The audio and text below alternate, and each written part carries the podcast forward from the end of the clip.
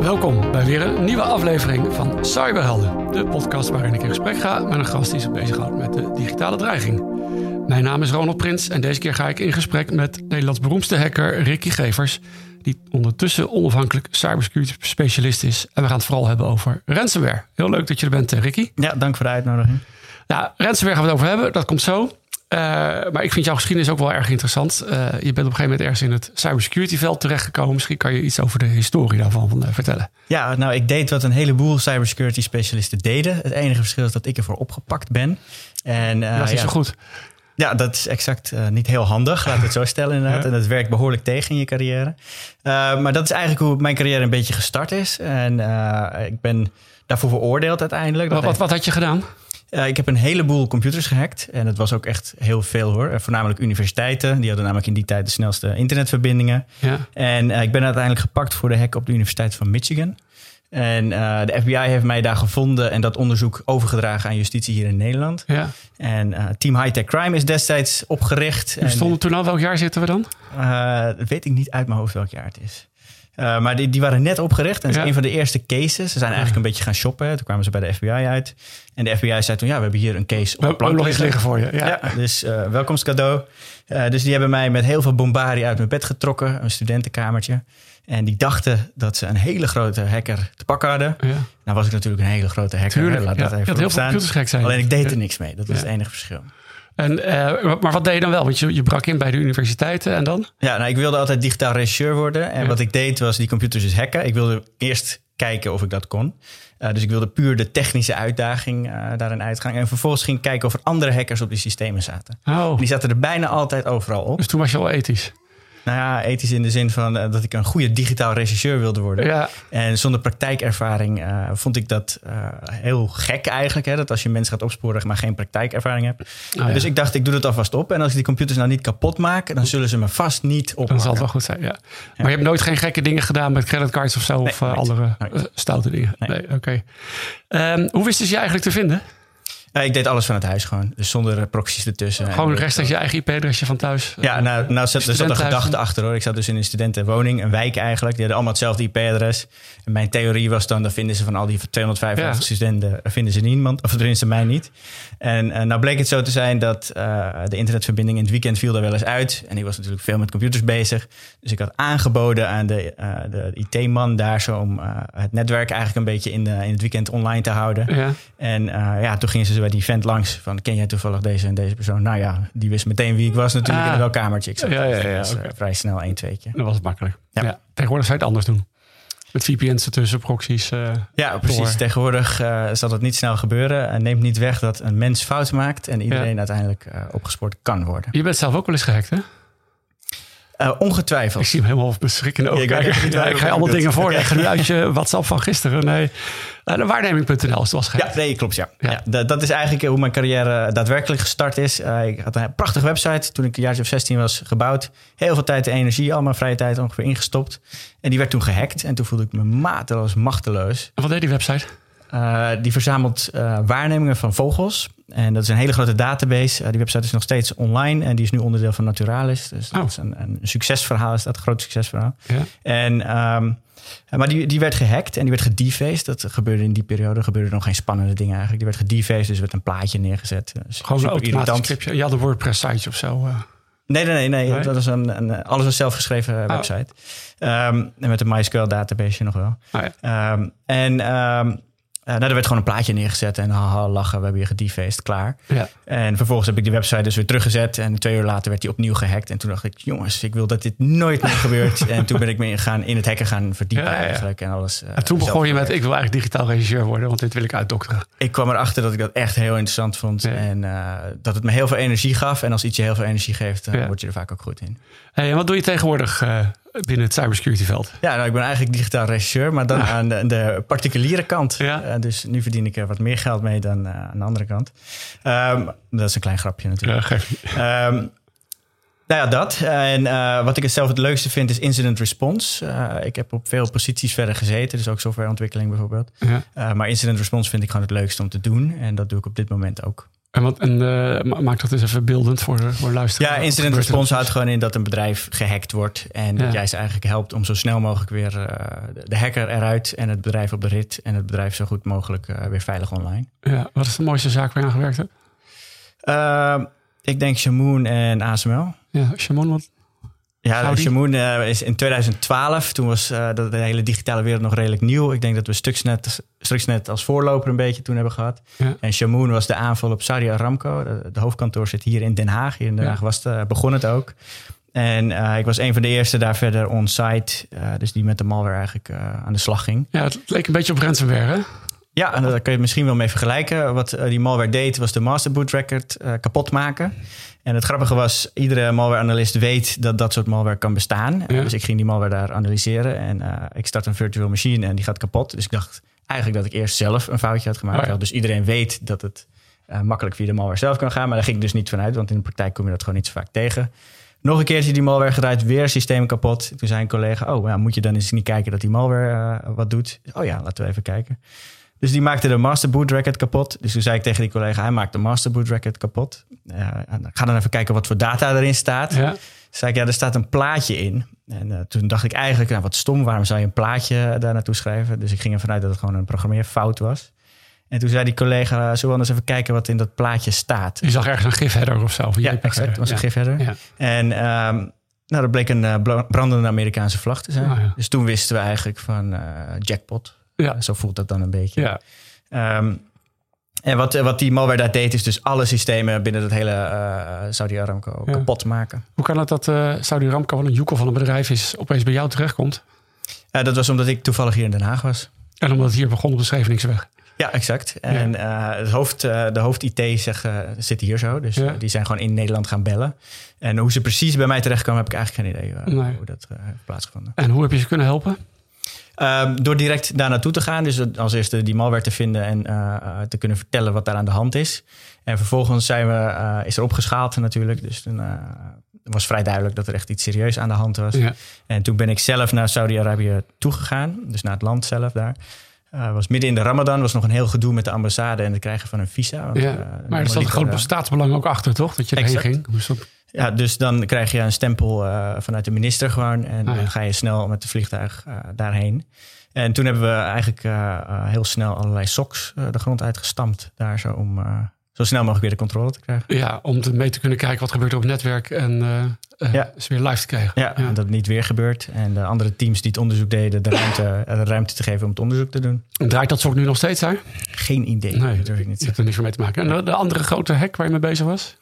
Uh, nou, er zijn een heleboel hoor. Uh, maar niet alles komt natuurlijk in de media, dus daar kan je ook niet altijd wat over zeggen. Maar een andere leuke vind ik zelf ASML. Oké. Die, en wat daar zijn, was vrij snel vrij duidelijk dat uh, de, de, Chinese spionnen eigenlijk daar naar binnen toe zijn gekomen. En, Was hier in Veldhoven? Ja, dat klopt, ja. Ah, ja. ja. En ze hadden jou er weer bij gehaald om uh, dat op te schuimen, op te ruimen.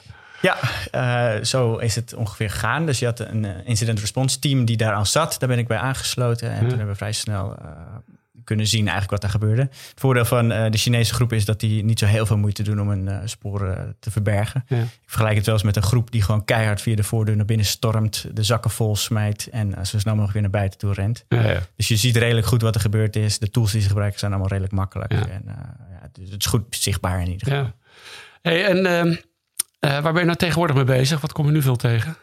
Nou, sinds een jaartje doe ik dus weer uh, incident response. Dus voltijd ja. incident response. Ja. En uh, voor nu zie je voornamelijk eigenlijk uh, ransomware. En het leukste vind ik zelf natuurlijk de APT's. Dat is namelijk het meest uitdagend, technisch ja. uitdagend gewoon. De Advanced Persistent Threats. Ja, wat meer de, de statelijke actoren die de computers overnemen. En spioneren in feite. Um, en, en nu doe je dat nu in je eentje? Of heb je een, nee, samen met Jury Blokhuis doe ik dat. Met z'n tweetjes doen we dat nu. En uh, wat wij vooral doen is we sluiten, sluiten aan bij andere teams op dit moment om, uh, om goede onderzoeken te doen. Ja. En je bent ook veel met ransomware bezig, denk ik? Ja, dat is het, helaas dus het voornaamste wat je nu ziet. Ja, en uh, kan je iets van een trend of zo bespeuren? Dingen die je opvalt ten opzichte van een jaar geleden of twee jaar geleden? Ja, nou, ransomware is, heeft zich evolved, zeg maar, in de zin van dat vroeger was het één computertje, 50 euro werd er dan gevraagd. En nu zie je dat vooral grote bedrijven gepakt worden. En uh, de laatste trend is eigenlijk dat je de, de, bedragen echt heel erg aan het stijgen zijn. Dus vroeger was 10.000 euro veel, nu is een miljoen normaal. Ja. Uh, nog net niet normaal hoor, maar uh, het komt in de buurt. Um, dat stagneert enigszins, denk ik. Dus ik denk dat we het dak daar wel bereikt hebben. Ze hebben een soort bedrag gevonden wat maximaal rendement oplevert. Als ja, te veel vraag krijg je het geld niet. Ja, exact. Dus uh, we hebben een aantal gezien dat er honderden miljoenen gevraagd werden. Nou, die zijn vaak, voor zover ik weet, je weet natuurlijk niet alles, uh, niet betaald. Dus ik denk dat ze het plafond daar een beetje gevonden hebben. Uh, het is meestal ergens onder de miljoen. en enkele keer gaat er, wordt er daar overheen gegaan. Wordt er vaak betaald in de praktijk? bijna altijd, denk ik. Ja? ja. En, um, ik denk dat je een hele, daar kunnen we het wel even over hebben, een hele duidelijke scheidingslijn ziet tussen publiek en privaat. Ja. Publiek betaalt bijna nooit nee. en privaat bijna altijd. En de uitzondering is de Universiteit van Maastricht. Exact. Ja. En de andere scheidingslijn die ertussen zit tussen publiek en privaat is dat de publieke incidenten kennen we. Ja. En privaat houdt iedereen netjes zijn mond. Ja, exact. En ik zou graag zien dat het anders is, uh, maar helaas, en ik kan het ook heel goed begrijpen hoor dat het duidelijk zijn. Maar de, meeste partijen willen gewoon absoluut niet dat het in de media komt. Nee, oké. En um, onderhandel jij zelf dan ook met, uh, met uh, afpersers? Ja. En het zijn altijd Russen? Um, het, dat is misschien een klein trendje wat je de laatste tijd ziet. Uh, de, de grotere ransomware groepen, dat zijn er 20, 25 ongeveer. Um, daar weten we veel van. In de zin van dat er veel onderzoek naar gedaan is. En dat het vaak te herleiden is naar personen die zich in Rusland bevinden. En de laatste tijd zie je ietsje meer een beetje de lone wolves die in hun eentje wat opereren. En ik heb het idee, dat weet ik dus niet hoor, maar ik heb het idee dat het wat jongere jongens zijn uh, die wat standaard tools uitrollen. Die zijn helaas ook een stuk minder betrouwbaar dan die grotere groep. Ja. Uh, maar het zijn voornamelijk de Russen. Ja, en um, je vertelde dat je onderhandelt dan ook, hè? want er wordt zelden betaald volgens mij wat ze vragen. Hoe, ja. werkt dat in de praktijk? Um, wat ik heb gedaan is, uh, ik heb heel erg gekeken naar uh, hoe kun je de klanten nou het beste helpen. En um, je hebt een incident response team ter plekke. Dat is super duur om zo'n team uh, daar aan het werk te hebben. En uh, je hebt de betaling. En iedereen voelt dat geld geven aan criminelen, dat, dat, dat voelt niet fijn. Dat wil je het liefst niet doen. Sterker nog, mag soms niet, hè? Is dat zo? Nou, in Amerika wordt het okay, ja, verboden. Oké, gewerkt, maar oh. is nog niet verboden. Ja. Um, maar uh, uh, in mijn optiek uh, moet je gewoon altijd een kostenbatenanalyse maken. En je moet vooral accepteren dat je slachtoffer bent van zo'n hack. En mensen willen heel graag terugvechten. Dus die willen allerlei moreel grote daden verrichten. maar ik denk dat je vooral moet accepteren dat je op dat moment gewoon echt slachtoffer bent. En eventjes vanuit die positie moet gaan kijken. En wat je dan vaak ziet is dat betalen simpelweg de goedkoopste oplossing is. Ja. En uh, waarom is dat de goedkoopste oplossing? Hè? Je kan twee routes nemen. Je kan uh, dus betalen. Uh, dan kan je aan die aanvallers vragen hoe ze binnengekomen zijn. En dat zorgt ervoor dat het incident response traject ook een stuk korter is. Ja. Al je data heb je in één keer terug. Dus je recovery is ook een stuk sneller. Plus dat je op dat moment het netwerk, je weet hoe ze binnengekomen zijn. Dus je kan eventueel dat netwerk ook weer veilig in de lucht, of relatief gezien veilig in de lucht brengen. Ja. En de, de, andere route is niet betalen. Dan wordt forensisch onderzoek wordt heel moeilijk, omdat ook je forensische sporen uh, versleuteld zijn. En je zet oude data terug. Dus dat houdt in dat je uh, een groot gedeelte van je data kwijt bent. Ja. En als je recovery wil doen, dus als jij jouw netwerk nu in de lucht wil brengen. Elk serieus bedrijf maakt toch gewoon elke dag een backup? Ja, dat klopt. Dat doen ze allemaal. En in de praktijk blijkt dat bij de slachtoffers toch niet helemaal uh, het geval te zijn. En ook wil het nog wel eens zo zijn dat uh, soms hebben bedrijven goede backups, maar als je die backups gaat restoren, ben je twee weken verder. Ja. En als jij uh, bijvoorbeeld allerlei verse producten hebt, kan je daar gewoon niet op wachten. Ja, en backups zijn er vaak ook meer op gericht om een paar bestandjes weer terug te halen die uh, ja, iemand, iemand weggegooid. Maar niet om een hele host opnieuw in te richten. Nee, exact. En mensen houden gewoon niet rekening met dat soort dingen. Uh, dus op papier is het vaak heel goed ingericht. In de praktijk blijkt dat vaak een stuk uh, slechter te zijn. Ja. En er zijn ook heel veel partijen hoor. Daar is de data bijvoorbeeld zo vluchtig dat één dag aan verloren data is al echt heel veel waard voor die mensen. Ja, en, en ze verliezen ook ondertussen ook weer allerlei aspecten. Nou, dat is mijn hond. omdat dagelijks die operatie gewoon doordraait. Maar dat kan dus niet, omdat ze plat liggen. Ja, stilstaan is verlies leiden. Ja, ja. En heb je, het gaat echt om miljoenen soms. Heb bedrijven meegemaakt dat als ze niet gewoon uh, zeg maar op vrijdags betaald hebben... dat ze maandags niet meer hoeven te komen, dat ze dan failliet zijn? Um, die woorden heb ik niet letterlijk uh, gehoord. Maar uh, ik heb genoeg bedrijven meegemaakt dat het echt dat je tegen de 10 miljoen per dag verlies maakt. Ja. Uh, Saudi Aramco is daar misschien nog wel zelfs het beste voorbeeld voor. Hè. Daar staat de olie, als de olieproductie dan stil komt te staan, ja. gaat het echt om miljoenen. Um, dat, dat is de, de route die een heleboel mensen niet helemaal door lijken te hebben. Dat stilstand vooral achteruitgang is ja. in dat soort gevallen. En, en wat vind je ervan dan dat er ja, nu toch steeds meer discussie over is? Er was een tijdje terug een petitie van allemaal mensen op universiteiten. Die vinden er ook wat van. En die zeggen, ja, het is heel simpel dit. We moeten gewoon stoppen met, uh, met het losgeld betalen. Dan lost het probleem zich vanzelf op. Ja, nou, dat klopt. Als niemand ooit betaalt, dan lost het probleem zich op. Ja. Uh, maar ik denk dat het uh, iets anders in elkaar zit. Hè. Ransomware is een, een, gevolg van criminaliteit. En criminaliteit is een, een soort van natuurwet. Hè. Er gaat geen dag komen dat er geen criminaliteit in de wereld is. als je dat beseft, dan zul je ook beseffen dat er altijd ransomware groepen zullen bestaan. Dus dat probleem gaan we op die manier überhaupt nooit kunnen oplossen. Uh, ten tweede zou je dan een, een, een, situatie of naar een situatie toe moeten dat uh, een omgeving, de IT-omgeving van de mensen 100% veilig moet zijn. Ja, mensen maken altijd fouten. Dus er, mhm. gaat al, er zullen altijd kwetsbare partijen zijn. Nou, als je die optelsom maakt van dat er altijd ransomware groepen zullen zijn en altijd kwetsbare partijen, dan houdt dat in dat ransomware nooit weg zal gaan. En natuurlijk, als je iedereen zal verbieden om niet te betalen, uh, dan los je het probleem in theorie op, maar dat gaat gewoon nooit gebeuren. Ja. En um, hoe werkt het in de praktijk, dat betalen? Want uh, ze vragen dan, uh, nou ja, laten we zeggen een miljoen. Dat is... Uh, ja, dat best... komt niet vaak voor, moet ik zeggen. Nou, acht ton, ja. vijf ton. ja, dat, precies. Dat, dat, is best een handjevol bitcoins. Ja. We hebben niet veel mensen liggen. Ja. Hoe gaat dat in de praktijk? Gaat dan opeens de CFO een rekening openen, openen bij een bitcoin exchange? Ja, wat wij hebben gedaan is, we hebben afspraken gemaakt eigenlijk met bepaalde partijen. Zodat we wat korte lijntjes hebben. Normaal als jij als partij een rekening ergens opent, dan uh, duurt dat vele dagen voor verificatie, et cetera. Mm -hmm. uh, nou, dit is een soort van shortcut eigenlijk. En uh, zo'n bedrijf schaft dan die bitcoins aan. wij hebben een, soort van specialiteit ervan gemaakt om. we hebben eigenlijk een soort van trucje in de onderhandelingen, waardoor we een heel laag bedrag weten. Maar, een stapje terug. Jij hebt een klant, dat is een slachtoffer van ransomware, die moet zeg maar vijf ton betalen. Ja. Gaat hij dan vijf ton, naar wie maakt hij die over dan? Naar Bitcoin Exchange. Ah, oké. En dan krijgt hij die bitcoins. En, ja. Maar zijn ze dan in staat die over te maken? Nee, de, meestal neem je eigenlijk de klant gewoon aan de hand mee om die betaling ja. te doen. Dus die doe jij voor hen dan? Ja, exact. Ik neem ze aan het handje mee. Ze doen het zelf hoor. Uh, ze drukken ook zelf op de knop, zeg maar, dat idee. Ja. En, uh, maar, maar ik begeleid ze in het hele proces verder. Ja, net zoals Hugo de Jonge in de GitHub of iets ingecheckt heeft. Gewoon, Je staat hier, druk op enter. Oké. Okay.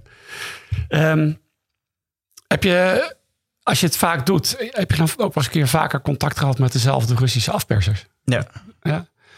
En dat je, herkennen ze jou ook dan? Van nee, daar zit nee. weer, daar kunnen we mee schakelen. Nee, nee wij, wij hebben heel goed nagedacht over het, onderhandelings, over het onderhandelingsproces. En um, er zijn een aantal uh, dingen die je vooral niet moet doen. Uh, je moet dus vooral niet agressief bijvoorbeeld reageren. En je moet dus ook niet kenbaar maken dat je een professional bent. Mm -hmm. uh, want als jij als professional wordt ingeschakeld, dan denken ze ook, oh, die heeft geld om professionals erbij te halen. En er wordt waarschijnlijk ook politie bijgehaald, et cetera.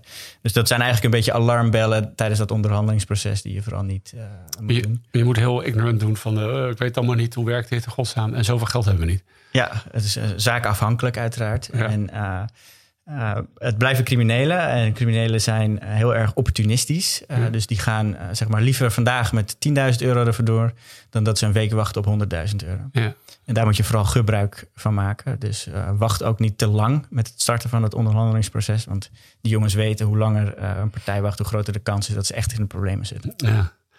Um, als er nou geen bitcoins geweest waren, ja. was ransomware dan ook zo groot geworden? Uh, ik denk dat uh, ransomware, of uh, de Bitcoin eigenlijk het, het, proces zeker versneld heeft. daar kan je niet omheen. Um, maar ze hadden ongetwijfeld een andere manier gevonden om dat voor elkaar te krijgen. Best moeilijk. Kijk, vroeger, je zei het in het begin al, waren de bedragen iets van 400 dollar of zo. Ja. Dat was dan ook één bitcoin in die tijd. Maar daar had je ook de oplossing van dat je vouchers bij een benzinepomp kon Precies, kopen. Ja. Kaskaartjes, zeg maar. En, en ja. dat, daar kan je geen vijf ton mee overmaken. Nee, dat klopt, ja. Dus vijf ton overmaken naar het buitenland, naar een anoniem iemand, is best moeilijk normaal eigenlijk. Ja. En die bitcoin faciliteert dat prima. Ja, absoluut. Ja, maar ik probeer ja, dat is een gewaarwording, maar bitcoin gaan we niet kunnen verdienen, verbieden. Of nee? dus dat, ja, daar ligt geen oplossing. Nou, je zou het kunnen verbieden. En niet dat ik het wil of zo, maar je zou het kunnen verbieden door exchanges te verbieden. Ja, maar dan weten ze zelfs nog wel een andere route te vinden. Ja, oké. Okay. Ja, nou, ik denk, ook als je kijkt naar het probleem, het probleem hè, dus stel dat wij hier in Nederland iets gaan verbieden, dan zal je ook nog zien dat uh, veel bedrijven via dochterondernemingen in het buitenland of zo die bitcoin zullen aanschaffen. Ja. De belangen zijn zo groot dat je dat echt niet op die manier gaat kunnen stoppen. Ja. Ken je de exchange uh, Suix? Ik weet niet of ik het goed uitspreek, in Amerika. Ja, volgens mij was die onder sancties uh, ja. gekomen. Ja. ja. omdat ze aan het faciliteren zijn voor in, in een ransomware setting. Ja. ja. Dus nou ja, um, zou er niet een. Uh, kijk, als je, ik wil zo eigenlijk met je het rijtje afgaan van wat zou je nou eigenlijk moeten doen om de ransomware te stoppen?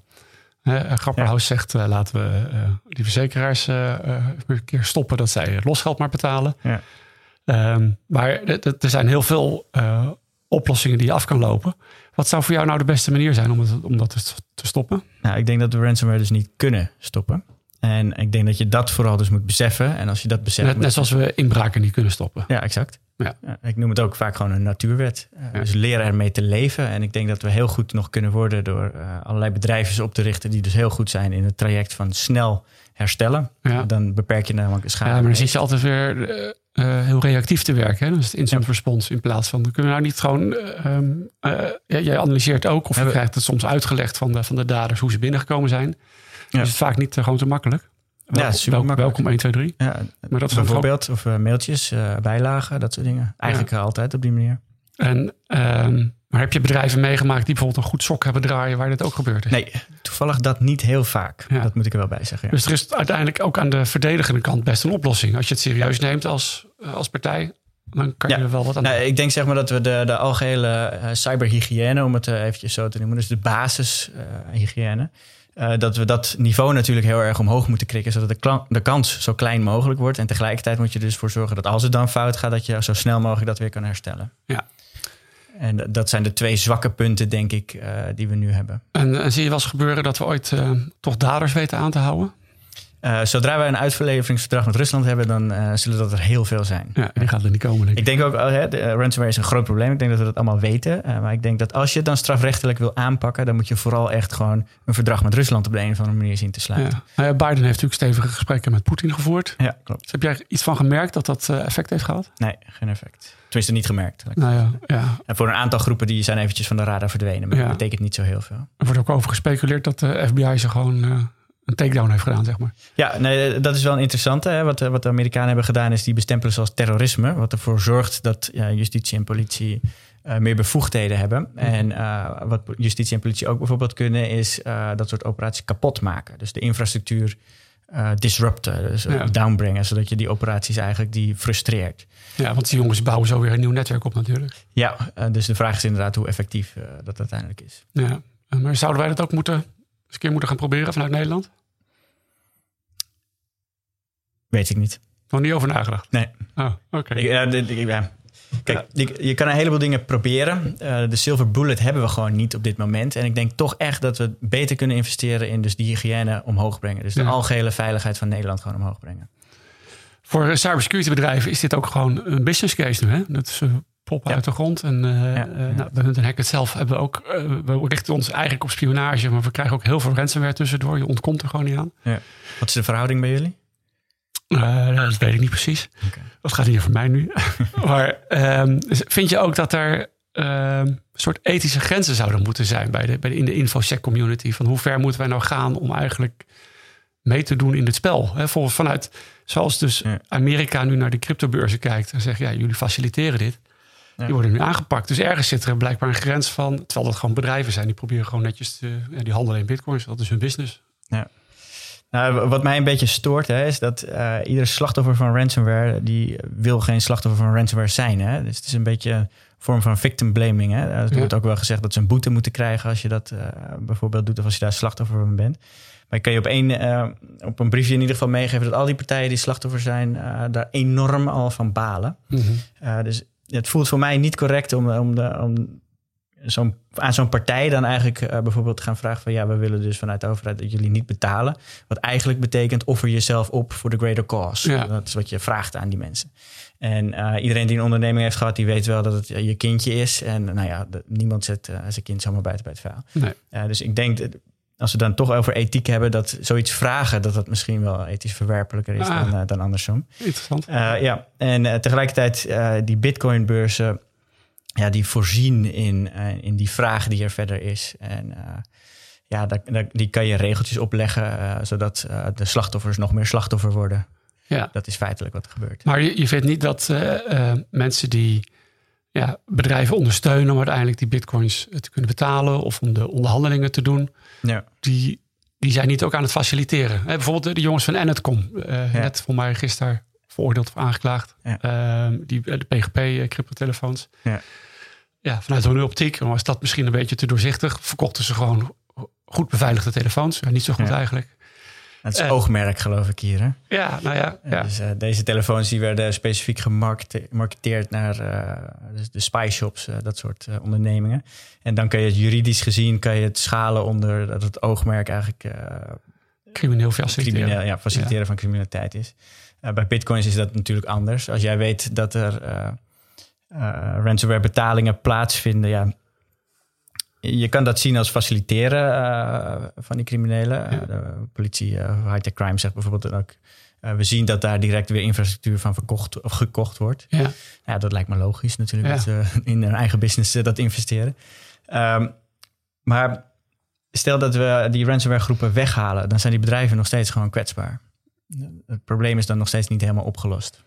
Nee, ze zijn nog steeds kwetsbaar. Maar ja, je ziet nu wel echt dat vitale organisaties worden zelfs aangevallen. Ze ontdekken volgens mij ook wel dat, ze, dat die wat sneller nog betalen. Hè? Want die hebben zo'n belangrijke functie. In Ierland een heel rijtje ziekenhuis volgens mij uh, een tijdje teruggepakt.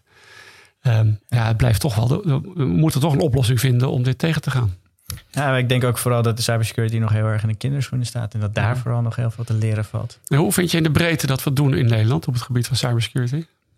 Vind ik altijd heel lastig, uh, zo'n vraag. Maar ik denk dat we iets. Maar jij komt alleen maar bij die gevallen waar het allemaal slecht ja, geregeld dus is. ik heb een verkeerde bril ook op. Ja. ja. Um, ik denk dat het, uh, ik zeg altijd dat we twee jaar op Amerika ongeveer achterlopen. Ja. En, uh, voor mijn gevoel. maar dat is puur een gevoel. Dat kan ik verder niet dan bouwen. Um, hoe kijk je naar het NCSC, Nationaal Cybersecurity Center? Ja, die waarschuwen nu iedereen. Dus dat vind ik een mooie ontwikkeling.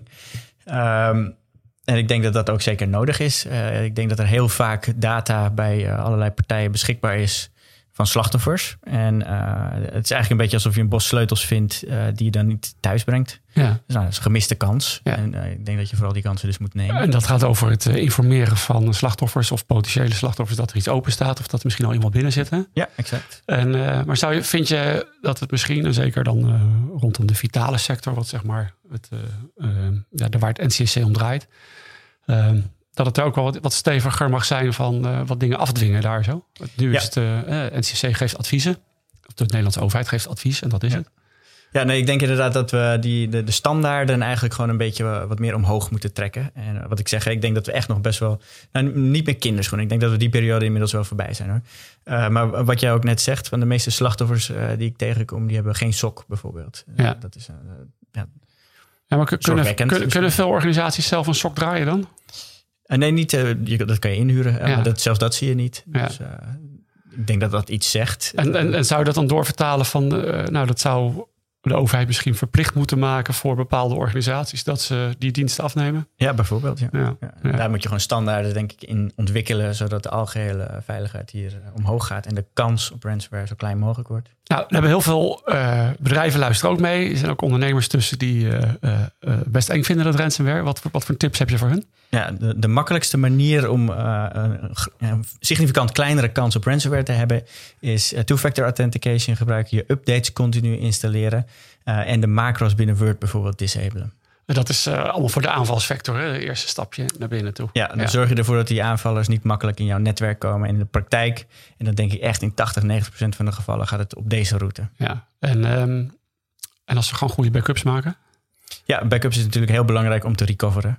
Ja. En uiteraard, uh, um, ja, dat. Oké, okay. nou, dankjewel Ricky Gevers, Nederlands bekendste cybersecurity specialist. Heel veel dank voor het gesprek. Elke donderdag kan je naar een nieuwe aflevering van Cyberhelden luisteren.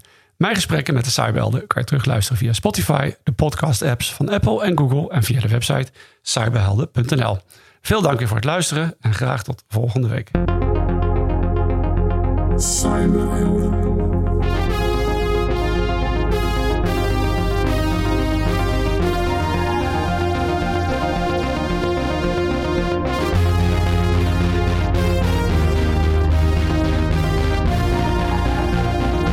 Summer.